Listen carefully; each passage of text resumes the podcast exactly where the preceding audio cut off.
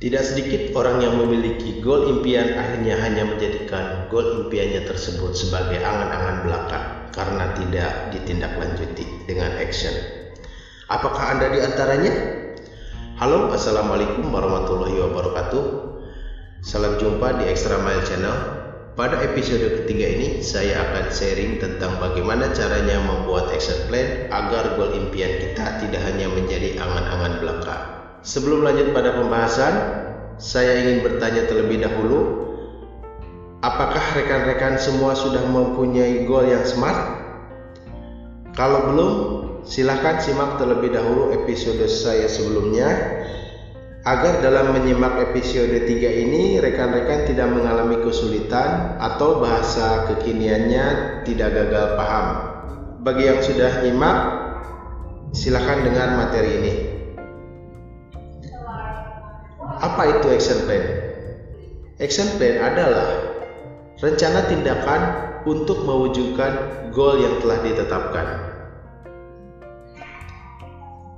Action plan yang baik akan memunculkan ukuran sukses, timeline, dan eviden. Sebagai contoh, misalnya kita memiliki goal membuat sebuah restoran. Action plan yang pertama yang diambil adalah misalnya mendapatkan tempat usaha. Dari situ kita akan sebutkan bahwa ukuran suksesnya adalah tempat usaha didapatkan. Kemudian timelinenya disebutkan tanggal sekian. Misalnya tanggal 17 Agustus 2020 dan evidennya adalah kwitansi pembayaran sewa tempat sudah di tangan sesuai timeline. Action plan yang kedua adalah melakukan renovasi tempat. Ukuran suksesnya mendapatkan vendor yang akan mengerjakan renovasi tersebut.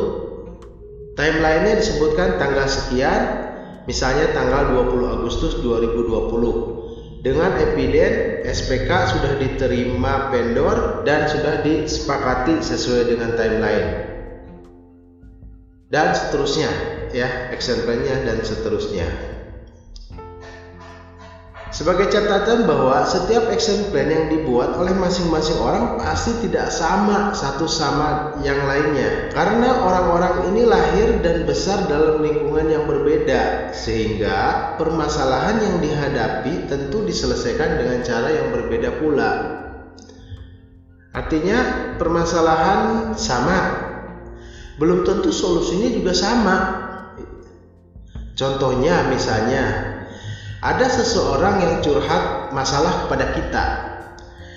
Karena kita sudah pernah mengalami masalah yang serupa dan sukses menyelesaikan masalah tersebut, akhirnya kita berikan solusi yang pernah kita jalankan tersebut kepada mereka.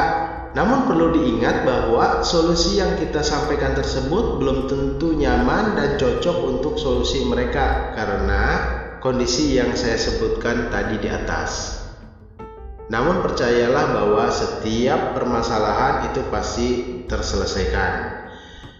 Dianalogikan bahwa masalah itu adalah telunjuk dan solusi itu adalah jari tengah di mana sebagaimana kita tahu bahwa telunjuk itu tidak akan pernah melebihi jari tengah. Oke. Jadi yakin dan percaya bahwa permasalahan itu pasti bisa terselesaikan.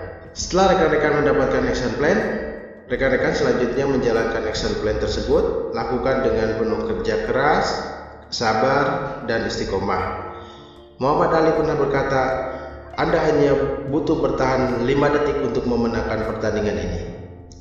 Artinya, sekali lagi saya garis bawahi bahwa kerja keras, kesabaran, dan istiqomah itu adalah hal mutlak yang harus kita jalankan. Insya Allah pasti bisa. Demikian sharing singkat saya kali ini. Semoga bermanfaat dan jangan lupa ikuti dan terus simak episode-episode selanjutnya untuk sedikitnya memberikan insight kepada rekan-rekan semua dalam upaya menggapai goal yang kalian cita-citakan. Bila itu taufiq wa. Wassalamualaikum warahmatullahi wabarakatuh.